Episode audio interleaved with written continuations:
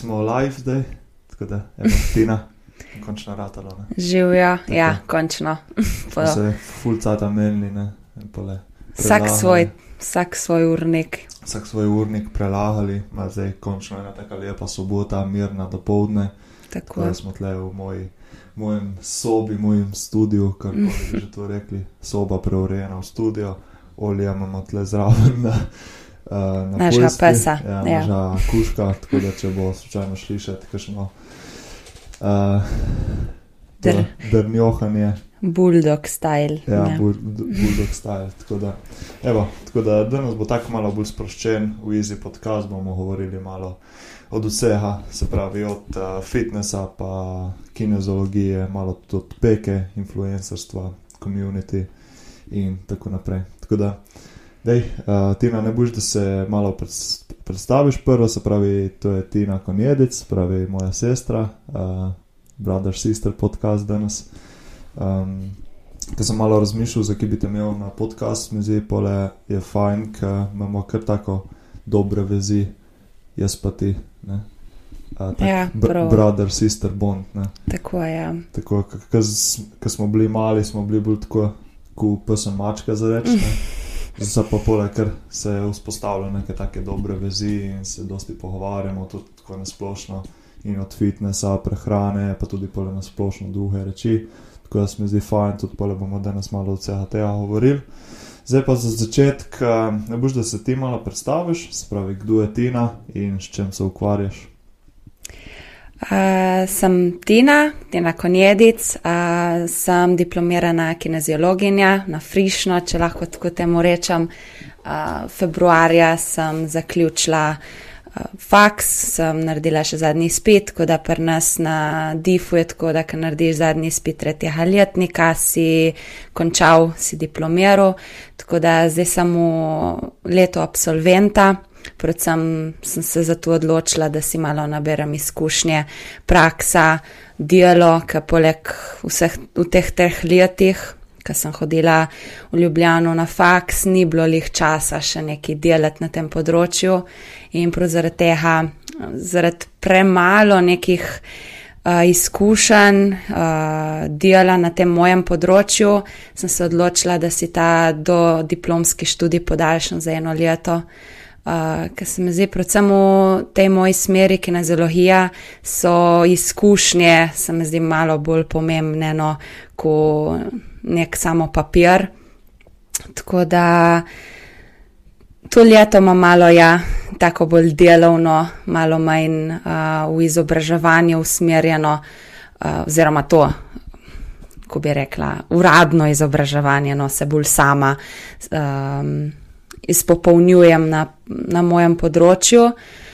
Uh, sem rekreativno, se s, hodim v fitness, pr, ne vem, ta vadba za močno, tako po domače. Uh, ta sem od prvega letnika, oziroma drugi letnik srednje šole naprej, sem začela v fitness hoditi. Um, Tako je, se zdaj Ja. sem rekel, da danes bomo malo skakali, malo sedanjost, preteklost. Ja. Tako da si zdaj začela omeniti, se pravi, da si kinezologinja, tako da zdaj bomo pustili za enkrat tu malo tle, pa bomo šli malo nazaj in potem se bomo spet vrnili na kinezologijo in uh, športno trenerstvo in tako, ker imam en kup enih vprašanj, pa se mi zdi, bomo fajn malo, bomo um, tu temo malo bolj uh, poglobili. Uh, zdaj, kdaj si se začela ukvarjati s fitnessom, prej si omenila, da tam nekje drug, drugi, tretji letnik. Jaz se spomnim, mislim, da je bilo poletje 2017, ko smo skupaj začela hoditi v fitness, oziroma lahko da je bilo še kaj prej. uh, 2016. konc, konc prvega letnika, Konc prvega moje letnika, srednje šole. tako. Ja. Jaz se spomnim poleti tisto leto 2017, poleti, ko sem bil tudi jaz pole doma med dvemi sezonami odbojke, smo pa skupaj hodili na fitness. takrat Poleti, še, ja, ja, poleti, ja. še takrat je bila še v hiši rekreacije. Uh, tudi se spomnim, da sem te prvič peljal v trgovino s prehranskimi mm. -hmm. dodatki, tako da tisto je bil tudi en tak prelomni dohodek. Um, da, ampak prej si pa še začela z nečem dru drugim, s čim si začela športom. Uh, ja, jaz od majhnega, od osnovne šole, prvi razred osnovne šole naprej, se pravi, vse skupaj je ratlo deset let, sem trenirala twirling, tlele v, v Brdih, tako da to je bil tisti moj šport. Nisem kot majhna, pa nisem bila športni tip. Uh, tudi športne, ki se spomnim, kaj je bilo kaj za laufat ali pa ne vem, karkoli, kaj je bilo vzdržljive sneha.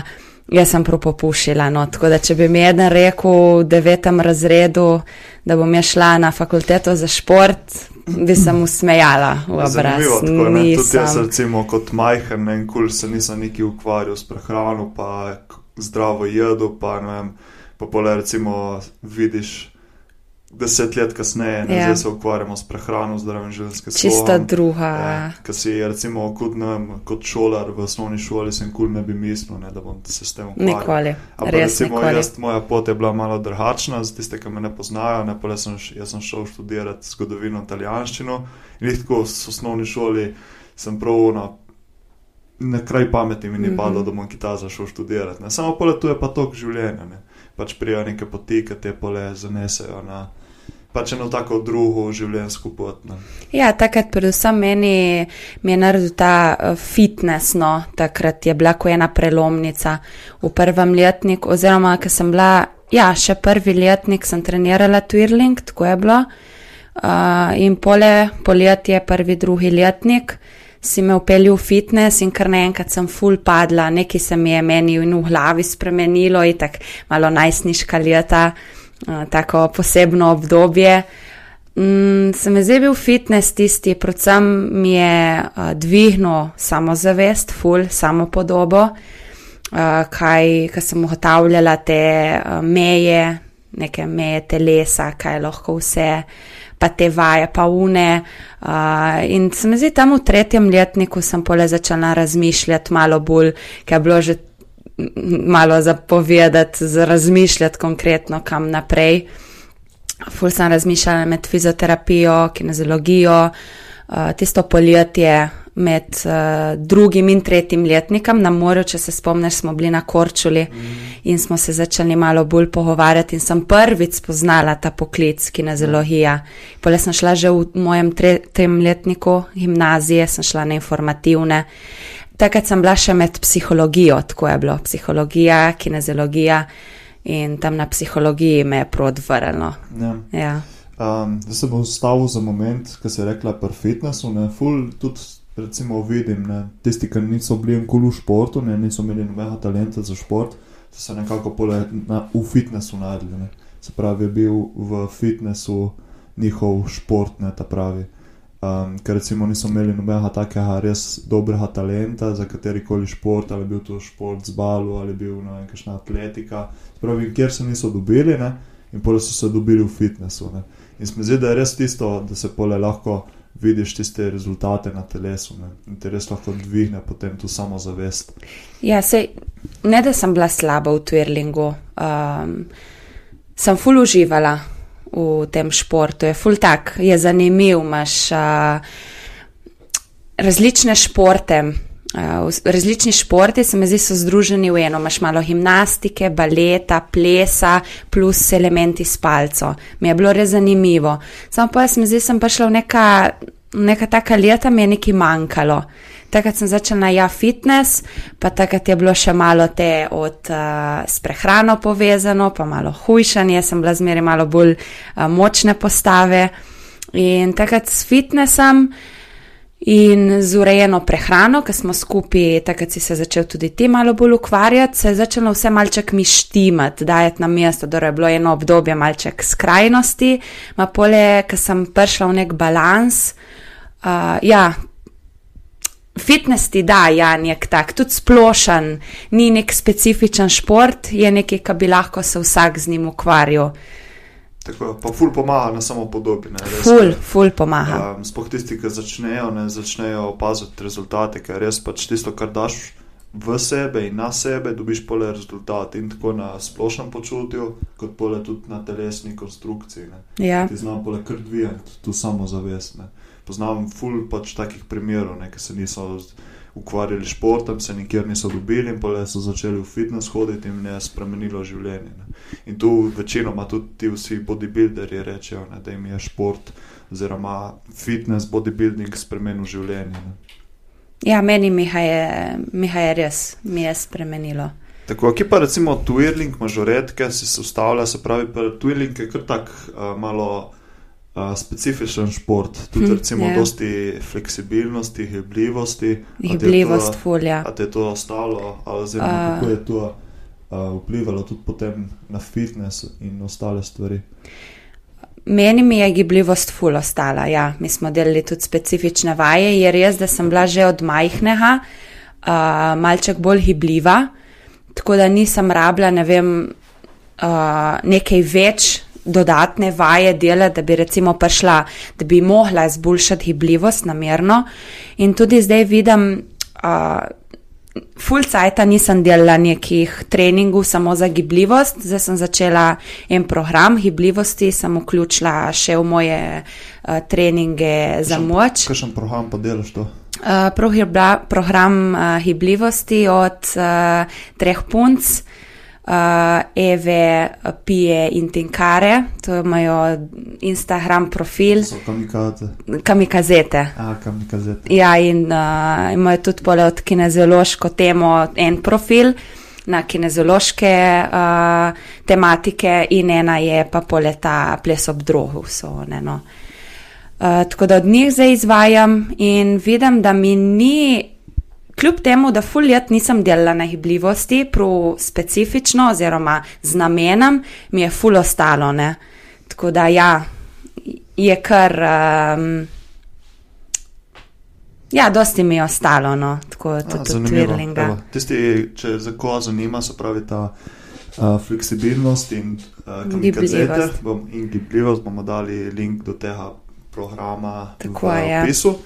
Um, tako duo kamikazete, no, duo tako, kamikazete, da smo natančni. Tako, ja, jaz ne poznam te, tako da okay, bomo, bomo dali link noter. Um, kako pa recimo zdaj fleksibilnost, pa moč, a to dvoje gre skupaj. Uh, recimo, če pogledamo tako v fitnessu, a ti, recimo, če si bolj fleksibilen, ti to pomaga tudi pri fitnessu, pri moči, ali je to malo posebej? Je... Maja, jaz vi. Tako je, zmeri moraš uh, neko celoto vzeti, ne? ne samo trening za moč, se pravi, samo da buildaš telo, malček ga moraš tudi, se pravi, raztehant, ker če ne se ti vse, se ti telo zakrče. Tako da jaz vidim, se mi zdi vsak, um, vsak tip vadbe, tle imamo vadbo za moč, vadbo za gibljivost in vadbo za vzdržljivost, to je še tretji tip. Moraš vse tri kombinirati, no, tako, tako jaz vidim. Meni mi je pomembno tako vadba za moč, gibljivost in vzdržljivost. Je pa, ne vem, pri določenih vajah, recimo jaz vidim, kak sumo, uh, mrtvi dvih.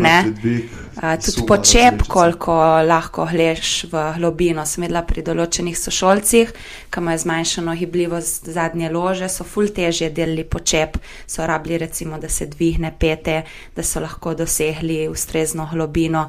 Tako da pri izvedbah vaj tudi za moč je kar ja, tudi gibljivost telesa uh, pomembna. No. Mora biti, ampak ne, ne sme biti pa preveč, nekaj pa lepo vpliva na moč, spravi zmanjša moč, a ni tako.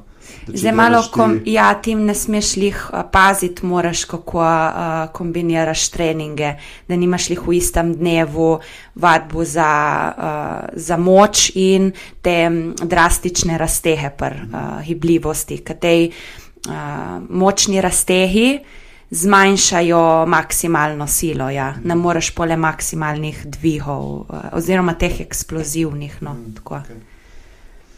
Se pravi, ja, moš kombinirati, si rekla. Pravi, Malček moč, moraš si skozi teden, ne, ne vem, najlažje, primer, ponedeljek, sreda, petek, imaš vadbo za moč, pa pole, ne vem, torek, četrtek ali pa torek, sobota, narediš še mm. dva treninga za gibljivost, primer. Tako.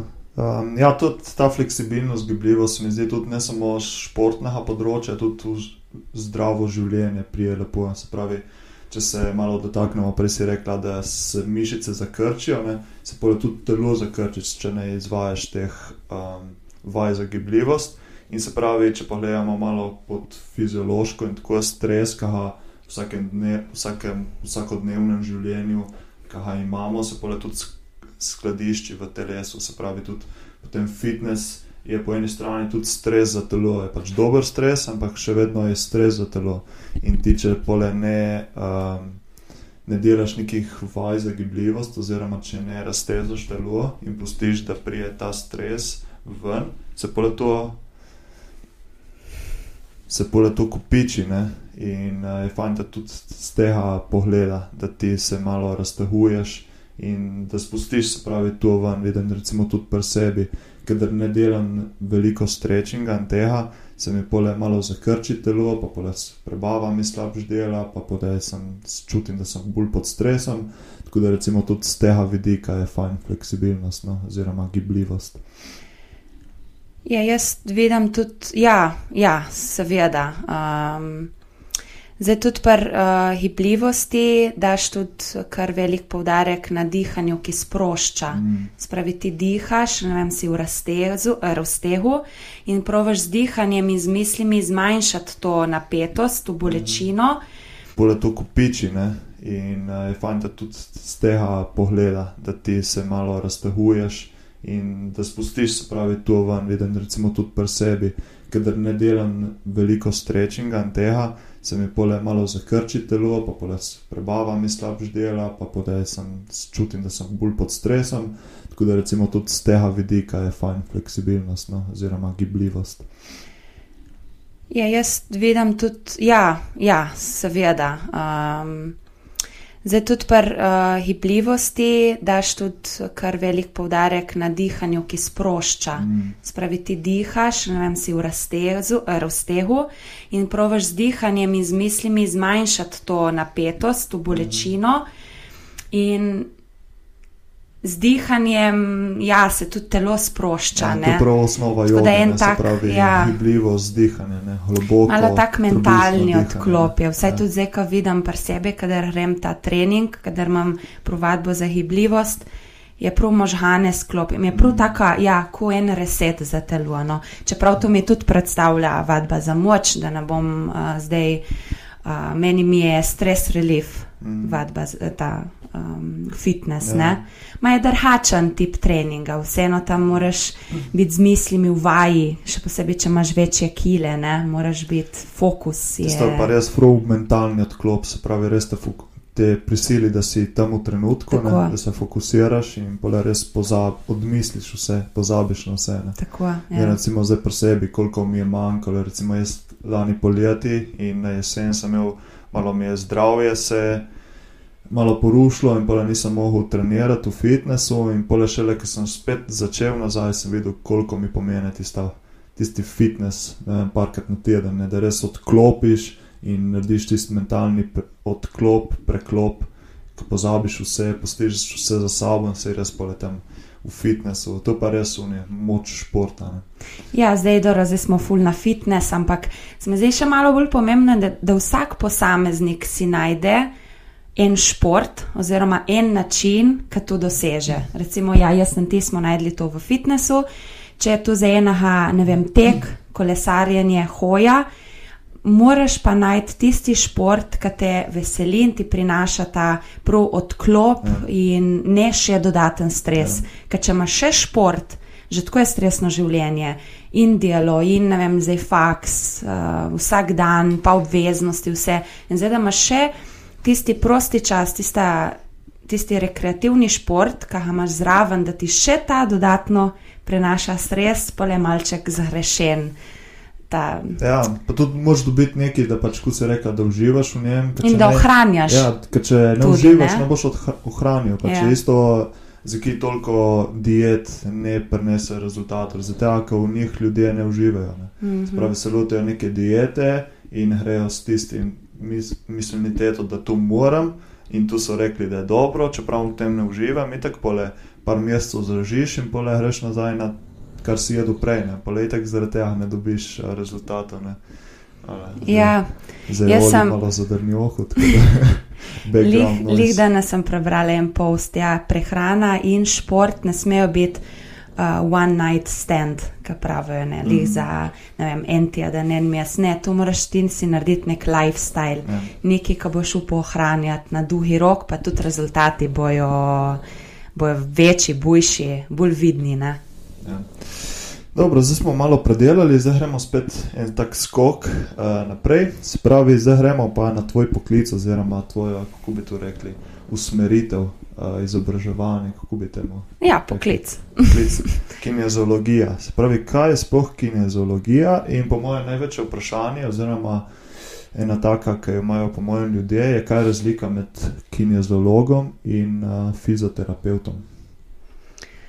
Prav na hrobo, uh, zdaj fizioterapeut pride. Pa recimo, kaj je Kineziolog. Kineziolog? Mi, kineziologi, smo uh, strokovni delavci. Zdaj tako. Um, na fulih različnih področjih lahko delamo. Lahko delamo z povprečno, pa s populacijo rekreativci, lahko delamo s športniki, lahko delamo z uh, posebnimi skupinami, kot so naprimer nosečnice, debelostniki, tudi ta gibalni razvoj otrok. Ali pa se usmerimo malo bolj rehabilitacijsko, se pravi, smo zadnja veja rehabilitacije po neki poškodbi, operaciji, spravi, da vrnemo uh, posameznika do nivoja pred poškodbo, pred operacijo. Zdaj, recimo, jaz bi se malo v ta rehabilitacijski, post-rehabilitacijski uh, usmerila. Zdaj, recimo, uh, fizioterapeuti so um, faza pred nami. Ti, recimo, po operaciji uh, dobiš zdravnika uh, napotnico za fizioterapeuta, in ko ti končaš tam pri njemu terapije, ker so terapije, imaš različne naprave, te z različnimi uh, pristopi obravnavajo. Potem pridemo mi na vrsto, kineziologi, se pravi, ki pa s pomočjo vadbe. Uh, in s uh, krepitvijo mišic, z raztezanjem, se pravi, raztezne vaje, krepilne vaje, vrnemo um, mišico oziroma vrnemo posameznika v stanje pred poškodbo, pred recimo operacijo. To je en ta. Uh, lahko smo tudi kondicijski trenerji, lahko se potem, dosti sošolcev usmerilo v, v en specifičen šport, pa so kondicijski trenerji. Uh, lahko pa delamo tudi z uh, rekreativci oziroma z, z normalno populacijo. No, Zdaj, recimo, osebni trener, kineziolog, ne, tle je tudi ena taka. Jaz mislim, da kinezologi so jih nekje umestni, se pravi, na eni strani Ja. imamo osebne trenerje, ki se res fokusirajo samo se pravi, na osebno trenerstvo, na gradnjo moči, vzdržljivosti in pač osebne cilje posameznika, na drugi strani imaš pa, kine, imaš pa fizioterapeuta, ki so res bolj uh, terapevtsko. Ne? In se mi zdi, da kinezologi so nekje vmes, se pravi, da delajo vse. Ja, mi, mi vsega smo pomalo. kvalificirani tudi za posebne skupine, ne, kot sem rekla, recimo po poškodbi, nosečnice, debelostniki. Skupine, ki rabijo določene prilagoditve, ne, ne moreš ti z vsemi enako delati, je tudi osebni trener.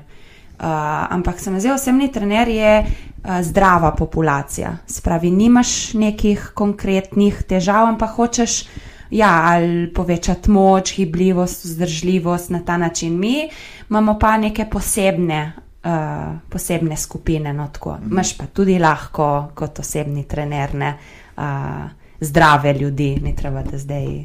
Ja, ful je širok ta. Um, kdaj se tudi jaz sama, tako kot me kdo vpraša, ja, kaj pa boš ti delala. Kaj je tvoje delo, je tako pač široko. Je. Ja. Jaz se pole, pole vsak kineziolog se usmeri v svoje področje, ki ga najbolj zanima in je dober v temu. Mi zdi fajn, ker se je nekaj objavilo na Instagramu. Um, kako je že to profil? Tinca ustvarja. Se ustvarja. Se bomo šli tudi do tega dela ustvarja, bomo pa le malo kasneje. Ampak se mi zdi, en, enkrat si objavila nekaj, se pravi, da služba kin, kinezologa je ozaveščanje ljudi. Um, in tu bomo šli tudi ena taka tematika, zdaj influencerstvo, um, ker vedno več je po socialnih omrežjih teh um, osebnih trenerjev, strokovnjakov in za prehrano, za trening in ostale stvari. In se mi zdi, da mi je, se mi je zdelo fajn tisti tvoj post, ki je bil, ki si napisala, da pač res vaša služba oziroma naloga je ozaveščanje ljudi in neke širjenje nekih strokovnih informacij. Ja, jaz se spomnim, je bila ena, je, ena profesorica na faksu, ki nam je res uh, skozi poudarjala, da mi moramo uh, promovirati zdrav življenjski slog.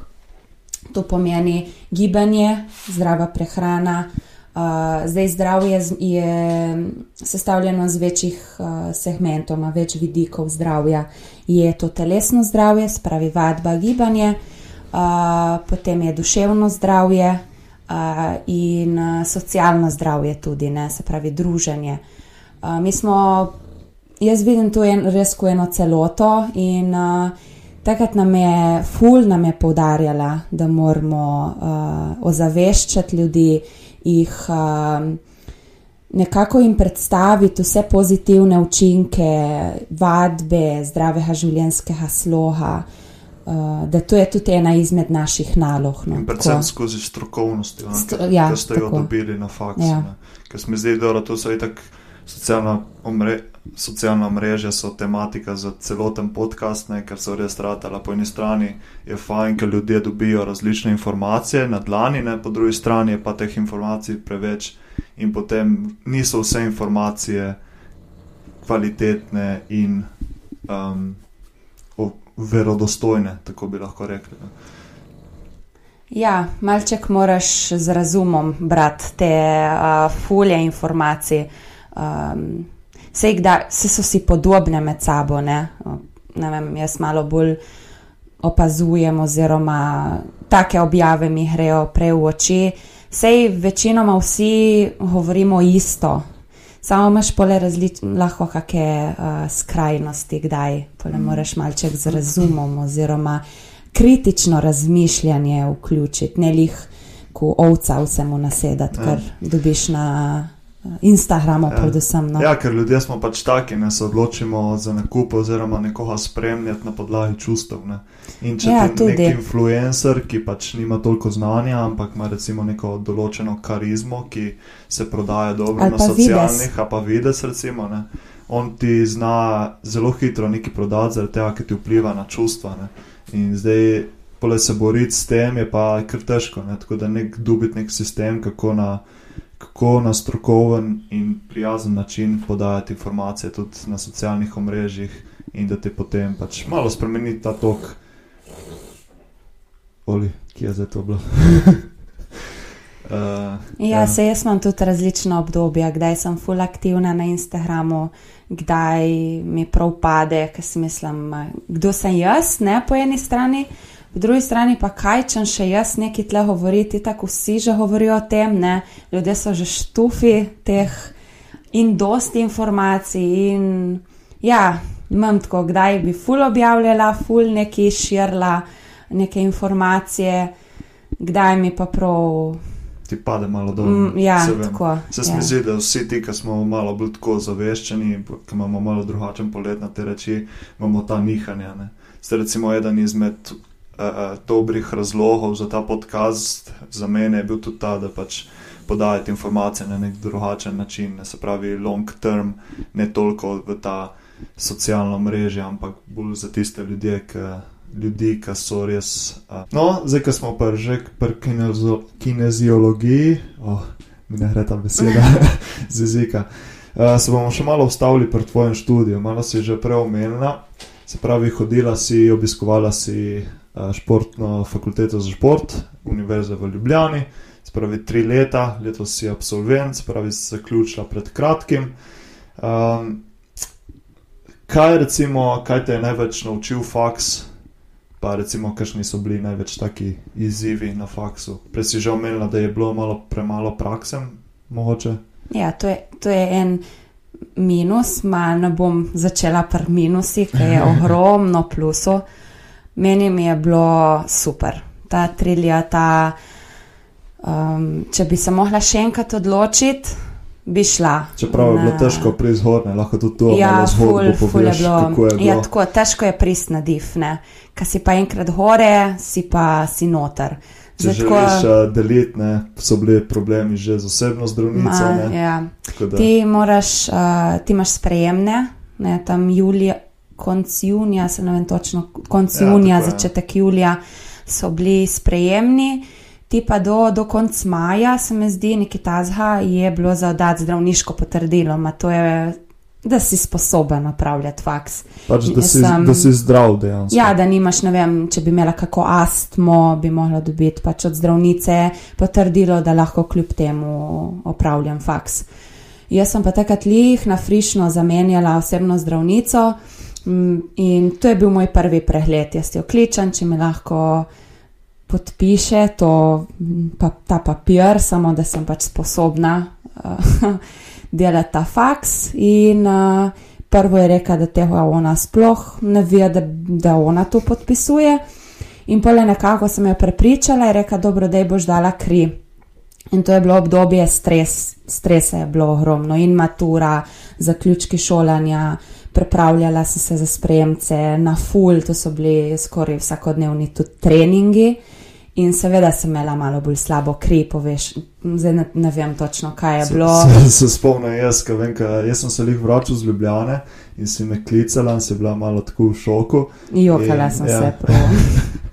In pač jaz se prav spomnim, kreatinin je bil malo povišan, to je v bistvu marker za a, ledvično zdravje, se pravi A, ja. za ledvice. Tam me je dala naprej, na, da imam jaz to kvaro. In to se Ledvic, ja. spomnim, ko smo se pač učili na, na prehranskem svetovalcu Fitness Zveze Slovenije, da pač če je kreatinin malo povišen oziroma malo izmed normale, je to ponavadi ali če ješ malo preveč beljakovin ali pa če si treniral dan prej. In v In bistvu to ti sem. si trenirala ja. dan prej, pač marker je bil malo povišan in pač zdravnica se je odločila, da ti si zdrava in da ti ne bo dala.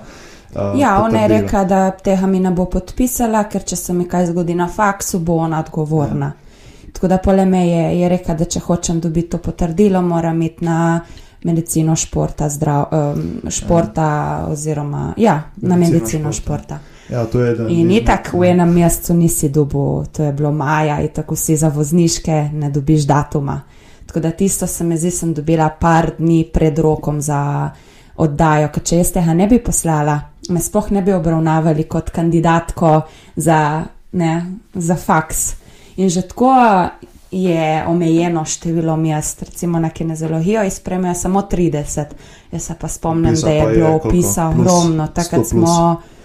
Takrat se mi zdi, moja generacija nas je bilo upisanih okrog 100 ali še malo več. Je bil 300%, kar, ne. ja. In uh, ja, to je bil že prvi, tako da nisem imela že dovolj drugega, še ja. ta. Ja, to je eden izmed problemov te medicine dan danes, ne, ker pač zdravniki itak nimajo časa obravnavati me vsakega sploh ni posebej. vprašala, kaj ja, se pa tudi dogaja. ni te, mojem- ni te poznala, ni te vprašala. Ne, jaz sem takoj pač te vprašal, a si prejšnji dan trenirala. Ja, sem trenirala, ok, tako pole si jedla malo več beljakovin zaradi treninga, itak bo malo povišan Mm. kreatinin. Ne. Samo to pa pr problem pa nekaterih zdravnikih, ne, ker te pač ne vprašajo spok konteksta. Ne. Je samo tisto, kar vidijo na markerjih. Ne. In, uh, Ja, to je edino, kar sem jih zamerila. Me ni niti vprašala, s čim se ukvarjam, kakšno je moje zdaj trenutno življenje. Ja. Ona je samo na podlagi mojega krvnega izvida določila pač, da in mi je dala še napotnico pole za naprej. Se, sem šla prav na pregled, če imam res kaj z ledvicami. Sej, hvala Bogu, lahko bi res kaj bilo na tem, je bila moja pa prihodnost na vprašaju, ne zaradi enega zdravniškega potrdila, ki tu ne bi vplivalo na na, na izvajanje faksa, ne, na moje obiskovanje.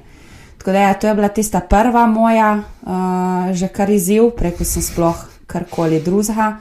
In potem so sprejemni, ne, uh, sprejemni se izpiti. moraš sprejemni spet in uh, imaš pole procentno in matura in uspeh tretji, četrti letnik. No. Tako da je kar, uh, je kar težko prist noter, ma ka si pa enkrat noter. Je Ja, ampak pa se mi zdi, da ti si imela en tak, si se dala v to, se pravi, da boš sprejeta, pa si res full mestu delala. Spomnim, da spole tako, kad si imela tudi osebnega trenerja, ki te je vodil čez to, ne. Pa Ja, full si trenirala, pa pole atletika, pa plavanje. Si se res dala v to, ne. ja, Ker ja. Dosti ljudi pač grejo tudi malo tako, ok, bom šel provat, sej športniki tak sem, ne. In potem padejo na zgibih. Ne, jaz sem se morejo pripravljala, narediti- vse te Ne teste. narediti par zgibov, ne. Ja, ja, sem se, jaz sem se pripravljala in plavat sem hodila enkrat na teden, je hodila uh, prijateljica z mano, me je naučila pravilnega kravla, da sem res pridobila na času.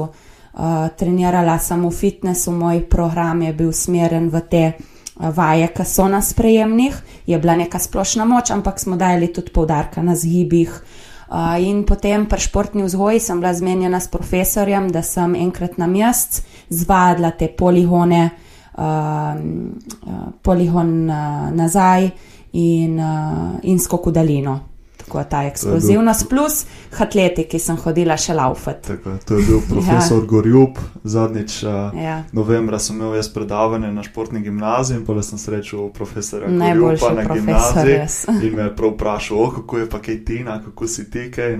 Ja. Zmerno fajn, kadar te nek profesor iz srednje šole se te spomne, pač pravno se ti zdi. Ne? Samo, jaz sem samo eden izmed dijakov, ja. ne, ampak ja, nekateri se spomnijo in je prav tako fajn občutek. No. Zdaj nismo nič, ja, to sploh kako sem prišla, še malo pozitivnih. Recimo div, uh, kar je nekaj res najlepših, uh, en največji plus je prav odnosi med. Uh, Med študenti, med nami, mi smo bili eno, to so pa te športniki. športniki no. ja, Ekipni duh, mi smo sodelovali, zapiske, to si nismo prodajali, zapiski krožajo. Če ki rabiš, dobiš si posodiš. Um, je res tako sodelovanje in se mi zdi, da to je ful olajšalo, uh, da smo prišli skozi uh, faks. Um, to je en tak ful, ful, ful velik plus. Uh, pa tudi vse smo se res se dosti naučiš. Je, mi je fajn, ker je, je pol, pol, malo več kot polno, ima, imaš tako naravoslovne, kot tudi družboslovne predmete, plus športe mi kot kinezologi smo imeli tri športe na leto, tako da dobiš neko splošno uh, gibalno znanje, gibalne izkušnje, ki jih poleti boš prenašal naprej. Pa tudi dosti smo imeli psihologije, sociologije, filozofije, tudi nekaj, kako delati s človekom.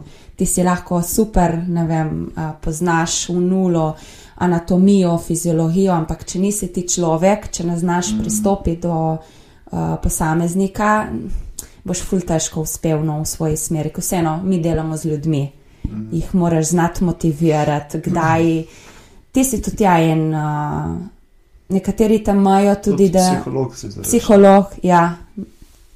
Tako da ja, moraš biti človek in znati. Tako da to mi je bilo ful, ful uredi. Edino, kar me malček uh, zmoti, je ful premalo prakse. Imamo tudi pri vajah, imamo različne predmete. Primer bom dala, ker smo imeli vadba nosečnic, vadba develostnikov, vadba otrok. Mi smo na vajah med sabo smo igrali. Aha, zdaj en dan smo bili nosečnice, pa smo si dajali kao žohe. Uh, na žohe smo imeli na trebuhu lahko bi se malo v tej smeri faks organiziral, da bi, ne vem, eno, dve vaj, se ni treba za vsakič, bi povabil to starostno oziroma to skupino in bi imeli mi neke realne izkušnje. Bi organizirali vadbo in tako vsak popovdne pridajo je na, te, na fakulteti pride full teh skupinskih vad in bi enkrat pač mi bili tudi prisotni na eni od teh vaj. Mm. In z otroci, to je drhač delati z otroci, če pa mi igramo, ne, da smo. Mm. Uh, to bi lahko malček bolj se potrudili, da bi nam dali že tekom študija neke oprijemljive, realne izkušnje. In malček, da bi posodobili no, ta program, uh, malo več raziskav, nekih novejših študij, uh, vseeno kinezologija je veda, je znanost in dosti raziskav z tega področja so, so ugotovili drugačne, drugačna dejstva, kot se jih mi učimo na faksu. Recimo, recimo kakšno na misel, zdaj kakšen primer, konkreten.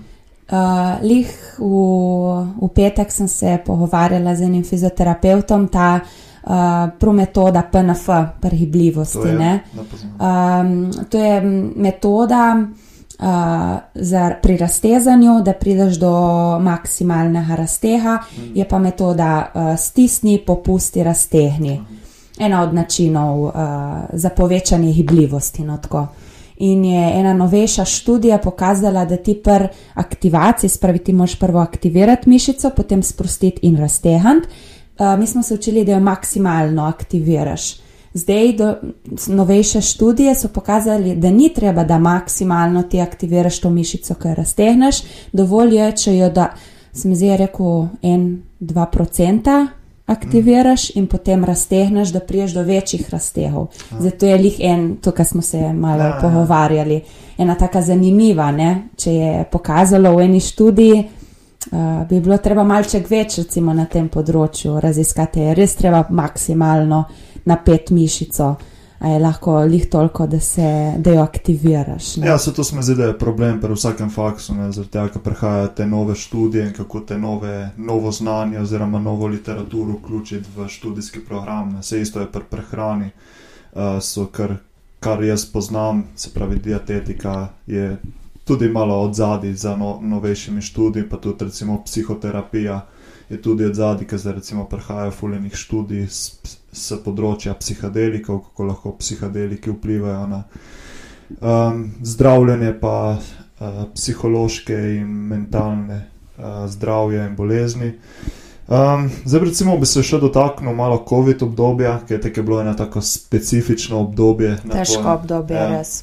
To je bilo, ti si bila drugi letnik. Mm, polovica prvega že. A, polovica, Polovica prvega, polovica drugega, in potem polovica drugega smo imeli pol-pol, en teden doma in teden uh, vaje v živo na faksu. Zdaj, lahko sem samo srečna, da je prišlo to v prvem letniku, drugi semester, ker sem vsaj poznala uh, sošolce. Mm. Recimo generacija za mano sploh ni poznala sošolcev med sabo, sem poznala profesore, smo se, sem dobila tisti prvi občut, prve občutke ljubljene, tudi malček smo v tistih pol leta se kar nažurali, no, Nažuraš malo. za naprej. Tisto občutek svobode, ljubljene. Tako da ja, jaz sem to dobila, ker sem, če že gledamo to situacijo, sem vesela, da sem se imela pol leta. Uh, je bilo pa ful težko. Se, na začetku tudi probleme, ker noben ni vedel, kaj, kaj prihaja. Mi vem, da smo imeli podaljšano izpitno obdobje, ker niso vedeli, ali bo to trajalo pol meseca, en mesec, nismo smo imeli še cel februar fraj, se pole začelo, sem zdi, enkrat marca, smo začeli z nekimi predavanji, večina jih, par predmetov, vem, da niti predavanj nismo imeli, smo dobili samo gradiva, naučite se pole izpit, pa tudi izpiti so bili online. Je bilo kar, uh, se mi zdi, da tle se je pa res poznalo, koliko imaš ti delovnih navad, koliko sam delaš, ker tu si bil pa prav prepuščen. Lahko si bil na predavanju, kamere itak nismo imeli vklopljene, lahko si samo oprusi zoom, pa si delal kar nekaj drugega. Malč tle se je pole poznala ta samodisciplina, vaje, div temelji na vajah. Mm. Ne, in mi jih nismo imeli. Obljubljeno, določeno nam je bilo, ja, ko pridemo nazaj, vam bomo, bomo nadoknadili te vaje, ma itak ne gre, ti dobiš potem nove predmete, nove vaje, že tako si od skoraj kdaj smo bili od jutra do večera na difu. Uh, ni bilo časa še za vaje, ki si jih zamudil. Tako da je bilo, ja, po moje smo dobili manj znanja, ne, kot predvsem s kakimi Ja, vajami. se mi Jaz zdi, se tebi se ti je takrat. najbolj poznalo na masaži, ne, ker pač Ja, masaže imeli smo imeli preko Zuma, Ja. parkrat smo imeli v živo, ampak večinoma preko Zuma. Tako da jaz sem pole, ker mi je všeč masirati, sem pole sama. Kako ste imeli to preko Zuma, povej? Ja, na polštru. Profesor je masiral polštar. masirali polštar. Vse mi smo pole dobili navodila, masirite doma, um, družinske člane. Ampak pole je bilo spet odvisno, ali si ali nisi, če te veseli, si. Jaz, jaz se spomnim, da sem dosti. Sem, sem kupila še masažno mizo, tako da sem lahko masirala, ker če ne na pojsli ne moreš. Ne. Uh, profesor je pa ja, masiral polštar, ker se je znajdo, se tudi Ja. njemu ni bilo lahko, ne. tako je bilo. A pa da bi kupil lutko, ne, tam vsak šopu kupiš eno lutko, ja. Pa le masiraš tisto, če pa tisto že malo tako, ne, lahko te. Ja, pa tudi pole Buki izpit. reče, ne. Izpit tisti kolokvi, se spomnim, vsak je bil na Zoomu, imel si polštar, podal ti en, eno tehniko in si jo na polštru pokazal. Pač ja, je, vse je bilo tudi za njih težko. Ah, Vsaj smo imeli, ne. Si pole, jaz sem, samo je bilo drugače, ni- nismo dobili neke povratne informacije, se sem lahko masirala in tebe, tato, mamo. Ma ni zdobo ti za feedback, a je prav tako, kako je prav, a je narobe. Tega si se mogel pole malo mm. sam, uh, oziroma si ga pole lahko vprašal. No, tudi če smel kako vprašanje, je bilo težko pokazati, povedati. Jaz sem se pole uh, z področja masaže najbolj spet v praksi zdaj letos uh, naučila, ker sem do, več ljudi dobila pod roke, vsak drhačen. Uh, tako da pole sem spet s prakso dobila največ znanja. Dobivam, no še zmeraj se, se učiš. Praksa, ne, tisto sem videl tudi jaz, koliko ti je pomembno, pa kako recimo vsake toliko me malo masiraš. Se lahko ti opaziš, kako ja. sem eno leto masirala, kako pa zdaj ne. Kako si dobila skozi prakso, ja. ja. In to ne moreš reči, jaz zdaj pa znam, ne. Jaz bom, čez en mesec boljš, Eh, še bolj znala. Ne? Pa zdaj tudi ne, ne morem reči, da ne znam, da ne uredi masiram. Uh, ampak itak, leta izkušnja. Ok, zdaj smo predelali kar dosti ne, in na široko, fitness, kinezologijo, faks. Zdaj gremo pa to, to druza. A ja, dobro, lahko še to. Kaj pa recimo trenutno zdaj delaš, zdaj si rekel, da imaš. Um, uh, si absolvent in dosti delaš, spravi praksa, oziroma ne, niti ne toliko praksa, ampak prav izvajaš vadbe in tako. Ne mi še malo povej. Malo ja, prakso tega. sem izvajala poleti. Nisem jo hotla, nismo imeli v tretjem letniku 105 šolskih ur prakse, obvezne. In nisem, sem jo želela tle na Horiškem izvajati, ko vseeno si tle ustvarjam, si želim tukaj ustvariti svoj biznis, oziroma tukaj je moje področje uh, dela. Nisem hotla ostati v Ljubljani. No. Zdaj, kaj, če bom, že če imam prakso, bom nekje, ker bom provala pole še kaj nadaljevati. Tako da sem šla, uh, polovico prakse sem izvajala v Džimu, uh, tukaj v Brdih, polovico pa v eno malček bolj uh, rehabilitacijskem centru, kinezoterapijo. Uh, tako da tam sem poleti sem naredila teh 105 uh, šolskih ur in per objeh se mi je malček podaljšalo. No. Vadbe izvajam še zmeraj v Kozani, imam uh, za večno mlade spravi.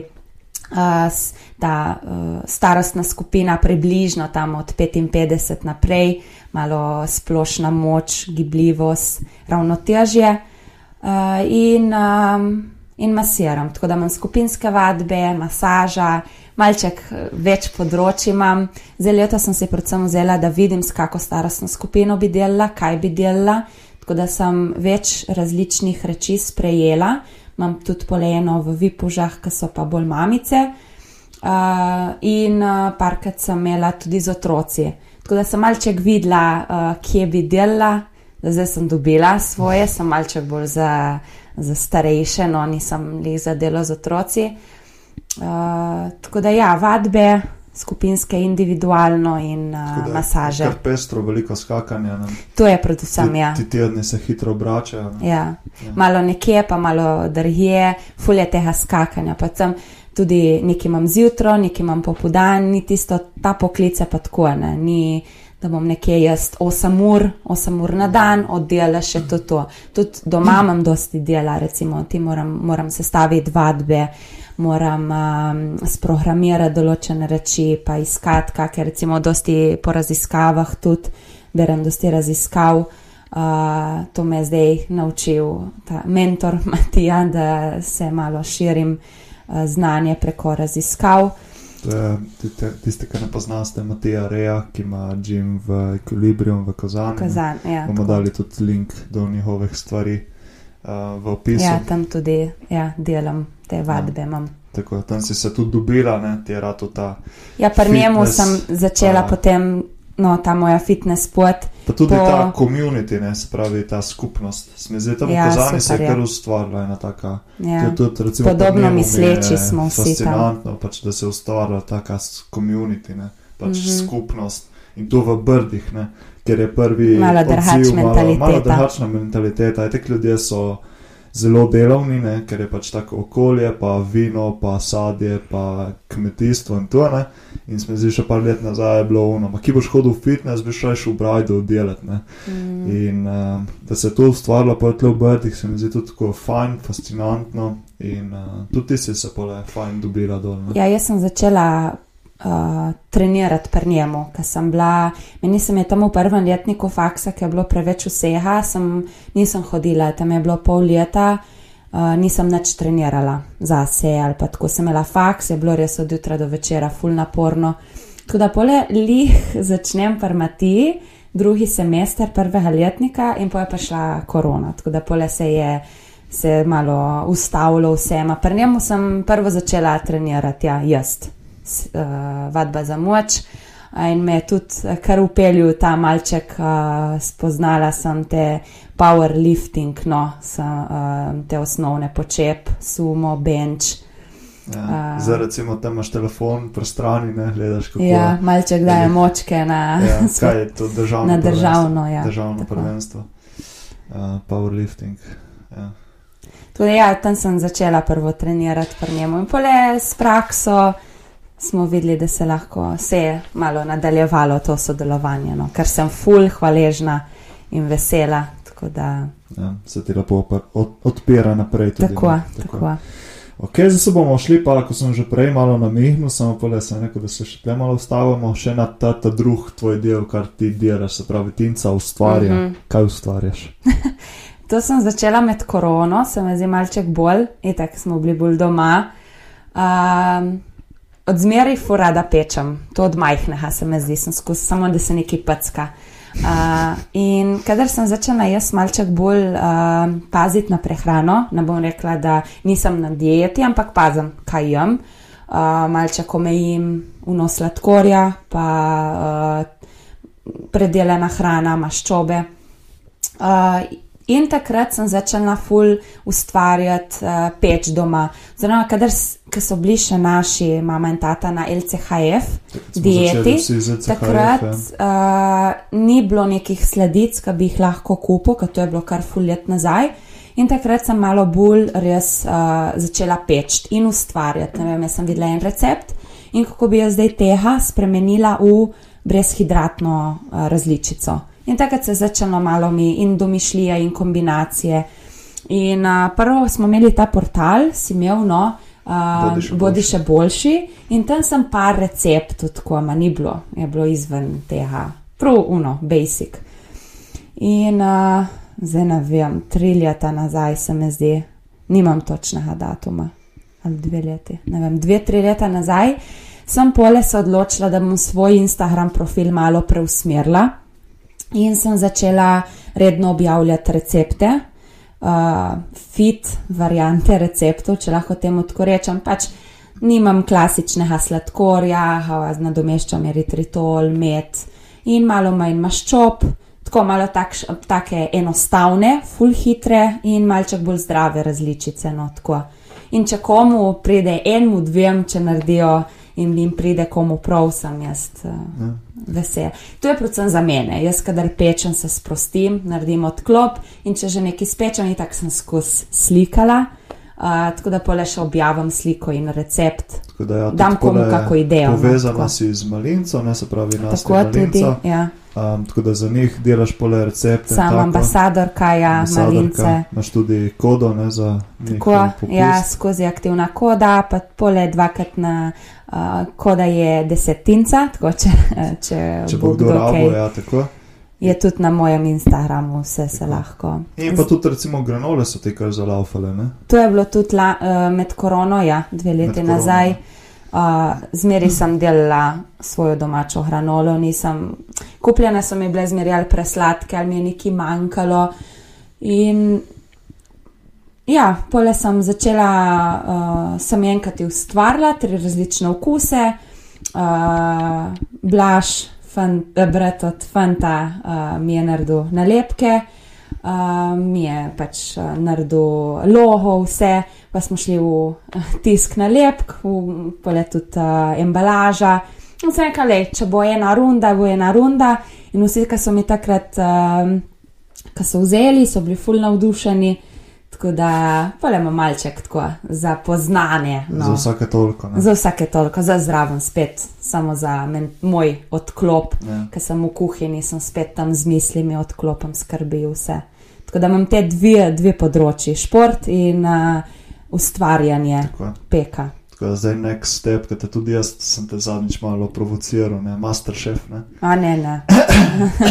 ne, ne, ne, ne, ne, to pa ne. ne? Uh -uh nisem pod stresom, jaz, jaz za sebe delam.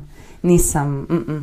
furada, edini šov, ki ga gledam, ma se pa ne bi nikoli prijavila. Nisem niti tako kompetentna, nimam toliko znanja. Jaz Se, če boste šli kaj pogledat, moji recepti so full, full enostavni. Ni nobenih pri postopkov. mi Je všeč. 20 ka- minut, je narejeno, je dobro, ni kar brez okusa ali pa tako, ampak so res tisto basic. Um, To se mi zdi, da je tvoj prepoznavni slog, da pač basic je okusno in enostavno. ja, ja, Pač. In tudi Jaz- hranljivo je. Ne? ja, Pač tako. Neka tako. kombinacija beljakovin, manj sladkorja, manj maščob, Ja. oziroma da so To je moj princip, hidrati, ja, maščobe tako. In da je eno- enostavno hranljivo. Ne? Ja. Ker recimo zdaj pri teh svetu receptov je vse neki, pač mora biti vse neki special, mora videti lepo. Ful so pa dolgi postopki. dolgi Ja, postopki, moji, pa ful poseben okus mora biti, ne, moji to. recepti tudi po sliki niso, kar rečeš, ok, ne, ki, ki je zdaj tu. Ma so okusi tisti, ki Dobro, zdaj prehajamo proti koncu počasi. Um, zdaj ma- malo si že omenil naprej, kako naprej, se pravi, kje se točno vidiš, kako s faksom, kako kam bi se bolj usmerila s svojim biznisom in uh, delom, terapijami. Tako da še malo, če lahko malo več poveš, kje se vidiš tako v prihodnih letih. Ja, zdaj do oktobra sem fraj šolo, potem oktobra bom nadaljevala še uh, magistrski študij, še dve leti. Bom pa zamenjala edino faks, bom šla v uh, Izolo, uh, fakulteta o vede v zdravju. Malo, tu sem se odločila, malo da zamenjam okolje. Malo drugačni profesori pravijo, da je malo mlajši kader, bolj raziskovalno, bomo videli. Uh, pa tudi bližje je, ful hočem kombinirati, se pravi, ne bom v izoli, bom vozačica. Um, ful je odvisno, kako urnik bo, ne? ali bojo vajali jih vsak dan, ali bojo te obvezne vsebine. Tako da hočem nadaljevati še študij v to isto smer, uh, aplikativna kineziologija je dole.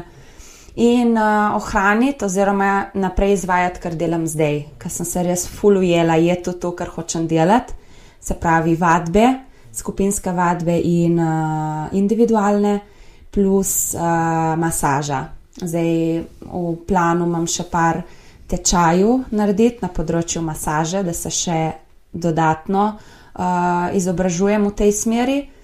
Uh, tako da ja, ta kombinacija, meni mi je ful, vidim, recimo dol, ker sem v malo.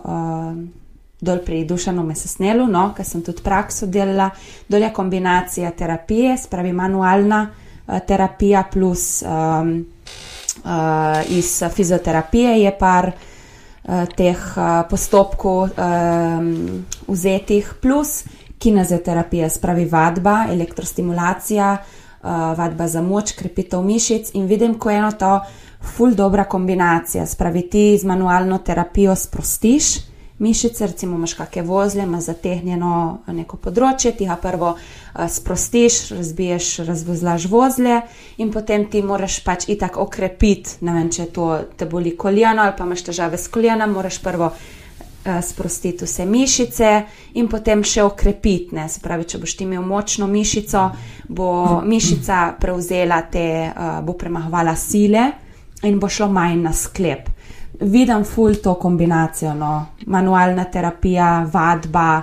uh, in Ja, ja, ful lepo gresta ena, ena z drugim. No, Ker smo zdaj neko tako splošno prepričanje, če nas nekaj boli, je verjetno samo zakrčeno, ne moramo samo tisto razbiti in pole bo v redu. ne. ne, ful, Ja. okrepiti moraš. Ja.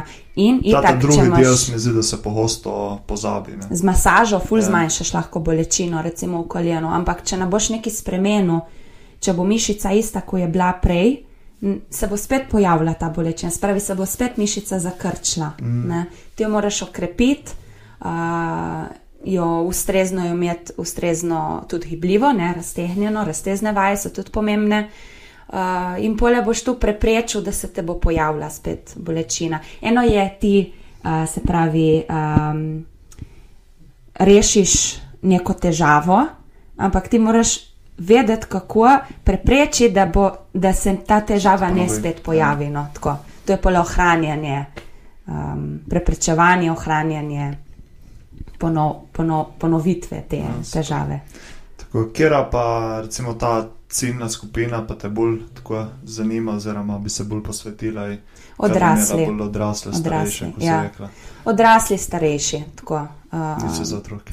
nisem, so mi, nisem anti, da ne, da Ja, ne maram ja. otrok, ampak ne znam delati z njimi.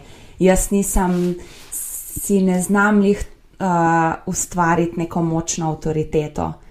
Uh, mene me otroci, pri mene bojo zjali. In mm. ne znam, uh, moraš biti po eni strani stroh, po drugi strani uh, prijazen, da dobiš zaupanje. Mm.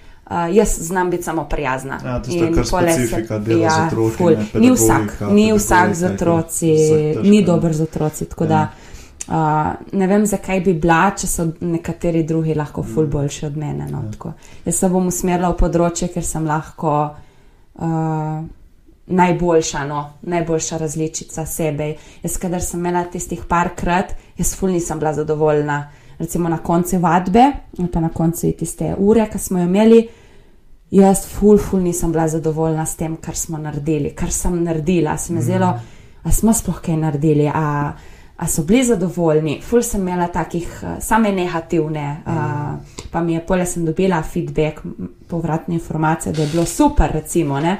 Ampak jaz nisem bila zadovoljna s tisto mojo uro. No. Ja, to je vse, sej jaz sem se tudi, recimo, jaz sem poleg, ko sem končal odbojko, sem bil par eno leto, sem bil progres, poleg so me povabili nazaj v klub, da bi prišel za trenerja, sem bil pomočnik trenerja per članski ekipi in sem imel neke mlajše tudi.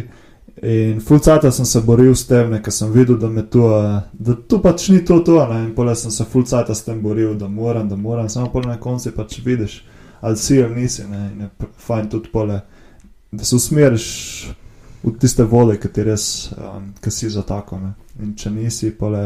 Ma Pač ja, tudi nisi, ne. vidiš strani njih, ne, ne vem, če ti res pašeš v eno, v eno ne vem, zdaj bom rekla, zdaj, ko smo jih na to temo, v eno starostno kategorijo, aha, jaz sem dobra v tem delu s temi uh, ljudmi, s temi. Tudi oni to začutijo, Mm. ne. Jaz vem, da otroci mene me niso začutili. Mm. Uh, recimo te vadbe skupinske, ki imam, uh, me pa ful začutijo, tudi oni mene, ne samo jaz njih. In mm. mora biti to oboje stransko, Ja. ne. Pa tudi poleg, ko si omenila, ne, kako se počutiš po vadbi. Ja, se pravi, ali si, ali si zmozhan, zmozhana, ali si pač uno. Se boš počutiš kot prej. To je ja. Tista energija, neka kroži, ne, ta une spiritualna duša. morajo ti vračati. Ja, pač tisto, kar ti vložiš, nekaj, a se ti tista energija dobiš nazaj, ja. ne, ne. To je zdi tudi ful pomembno, tudi pole. Na dolgi rok, Ja, predvsem. dolgi rok. Pa tudi mi zdi, to je eden, eden izmed aspektov, kako videti, kaj je tvoja smer naprej, da se lahko orientiraš po tem, kaj me polni, kaj me prazni. Ne? Recimo, da me polni, aha, vadba s temi me polni, mogoče se bolj usmerim v to uh Mhm. -huh. smer. Ne? Recimo neko delo me po, full polni, recimo mene. Uh, Globoko deep work me polni, recimo neko pisanje ali pa recimo nek creation oziroma ustvarjanje, delo na projektih. In to me recimo mene polni, ne, ker sem čut, čutim, kako me tisto delo polni. Medtem ko tista vadbe, da bi jaz bil nek trener in tisto, oziroma tisto pa ne toliko, oziroma sem že bil trener, pa sem videl, da recimo v odbojki tisto mi ni pašalo. ne. Tu smo zdaj en tak aspekt, ki se po, po, posto pozablja, oziroma nismo kul naučeni, kako to spremljati. No. Ja, recimo tudi zdaj vidim, jaz na koncu dneva itak uh, pridejo dnevi, ki so bolj naporni, so manj naporni. Ma recimo, če uh, mene me fulte skupinska vadba, predvsem te, ki imam večno mlade, mene me tako napolnajo, ki mi toliko neke pozitivne energije vrnejo nazaj, da sem po vadbi. Prav, ja, ne znam opisati, ma je super, jaz se ful dobro počutim. Pa vem, da sem jaz dala neki njim in oni tudi meni. Ne? Jaz ne vem, vidim, kako so zadovoljne z vadbo, so naredile nekaj res dobrega zase in to so one ful hvaležne in mi vračajo to hvaležnost nazaj. In je res ta, ti vložiš neko energijo v njih ne? in oni ti jo. Posred, ne, nekako ti jo vrnejo ja. nazaj v, neko, v neke dobre občutke. No, tako. Tako. Ok, zdaj smo recimo dobra urca podcasta, tako da bomo počasi zaključili. Zdaj recimo te closing questions, se pravi zaključno, dve zaključne vprašanje, ki postavimo vsakemu gostu. So dve, se pravi, prvo je, kaj za tebe po, pomeni dobro počutje.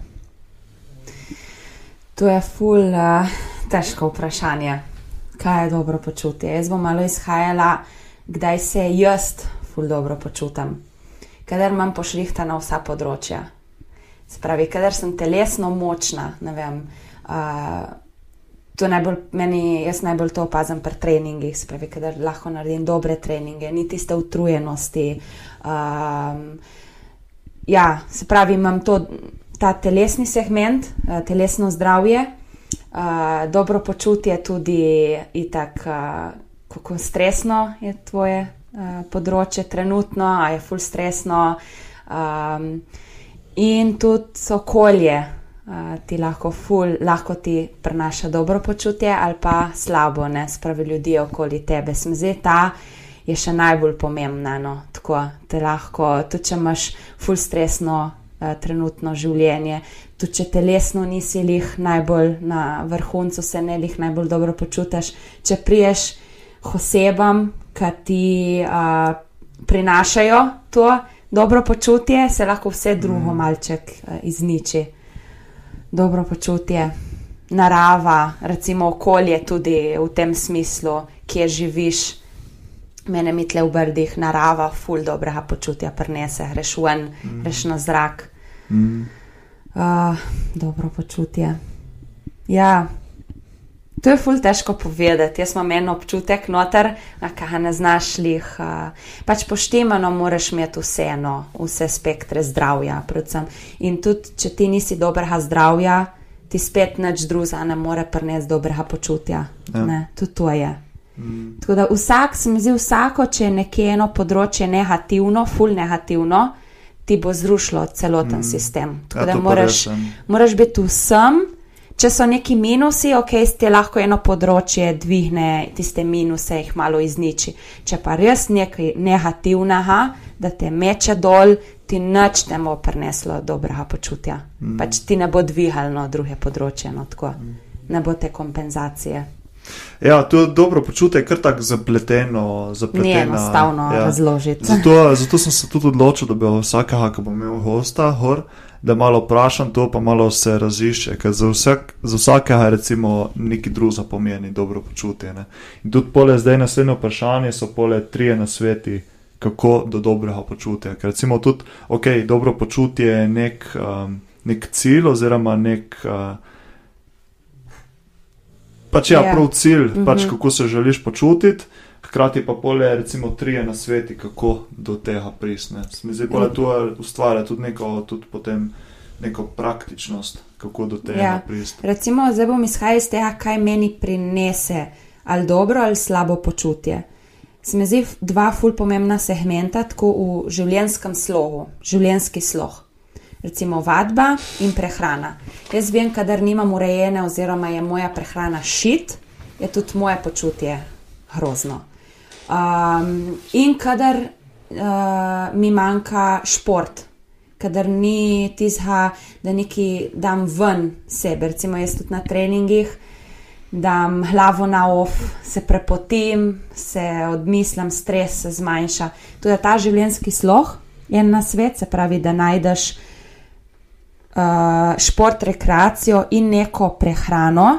Da ti bojo prenašala ta, to dobro uh, počutje. Uh, in recimo, da greš stran od ljudi, ki ti prenašajo slabo. Tako, recimo, da se res obdaš z ljudmi, recimo, itak. Uh, služba, vsakdanje obveznosti ti prinašajo že stres. In zdaj, da imaš ti, recimo, zdaj bom rekla, prijatelje, za družine ne moreš, ne, ja, beži, preči proč, ne, recimo, prijatelje, ti si sam zbiraš prijatelje in da ti še te prijatelji prinašajo stres, negativne občutke. Mm. Zakaj? Ne. ne, ti se obkrožiš z ljudmi, ki te razumejo, uh, te imajo radi in pole se ti, bo, ti bojo prenešli to uh, združenjem spet dobro počutje. Spet, če imaš stresen dan, greš na eno pijačo ali pa karkoli en pogovor in ti lahko prijatelj ali pa, uh, recimo, zdaj bom tudi dala primer partner, ne? da nisi kar z enim. Samo zato, da imam, da imam fanta, da imam punco, ampak ne najdi tisto osebo, ti da tisto. Um, Dobro, dobro, zdaj smo v dobrem počutju, ima nasplošno ja. tisti, uh, da ti ne prenaša in skrbi, in dodatnega stresa.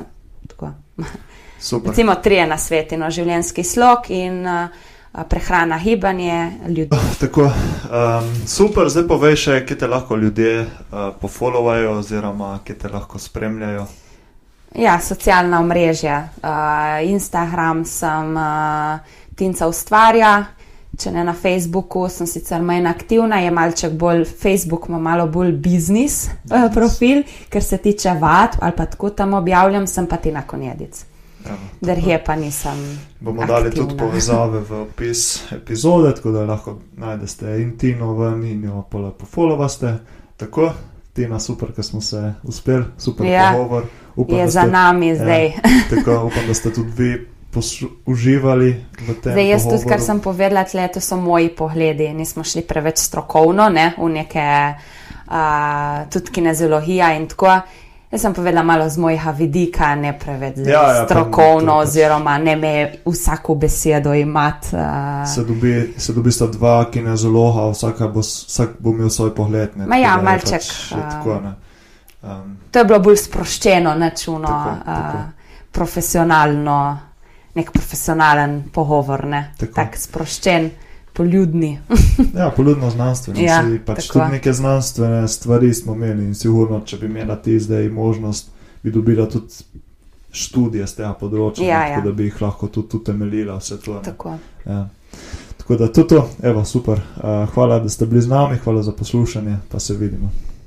Hvala, ker ste bili z nami. Upamo, da ste uživali v današnji epizodi podcasta Beresere in ste se naučili nekaj novega. Če želite slišati več, se naročite na naš podcast, kjerkoli ga poslušate ali gledate. Prav tako nas lahko spremljate tudi na Instagramu pod profilom Podcast Benesere, da boste na tekočem z našimi najnovejšimi epizodami in zaodrskimi vsebinami.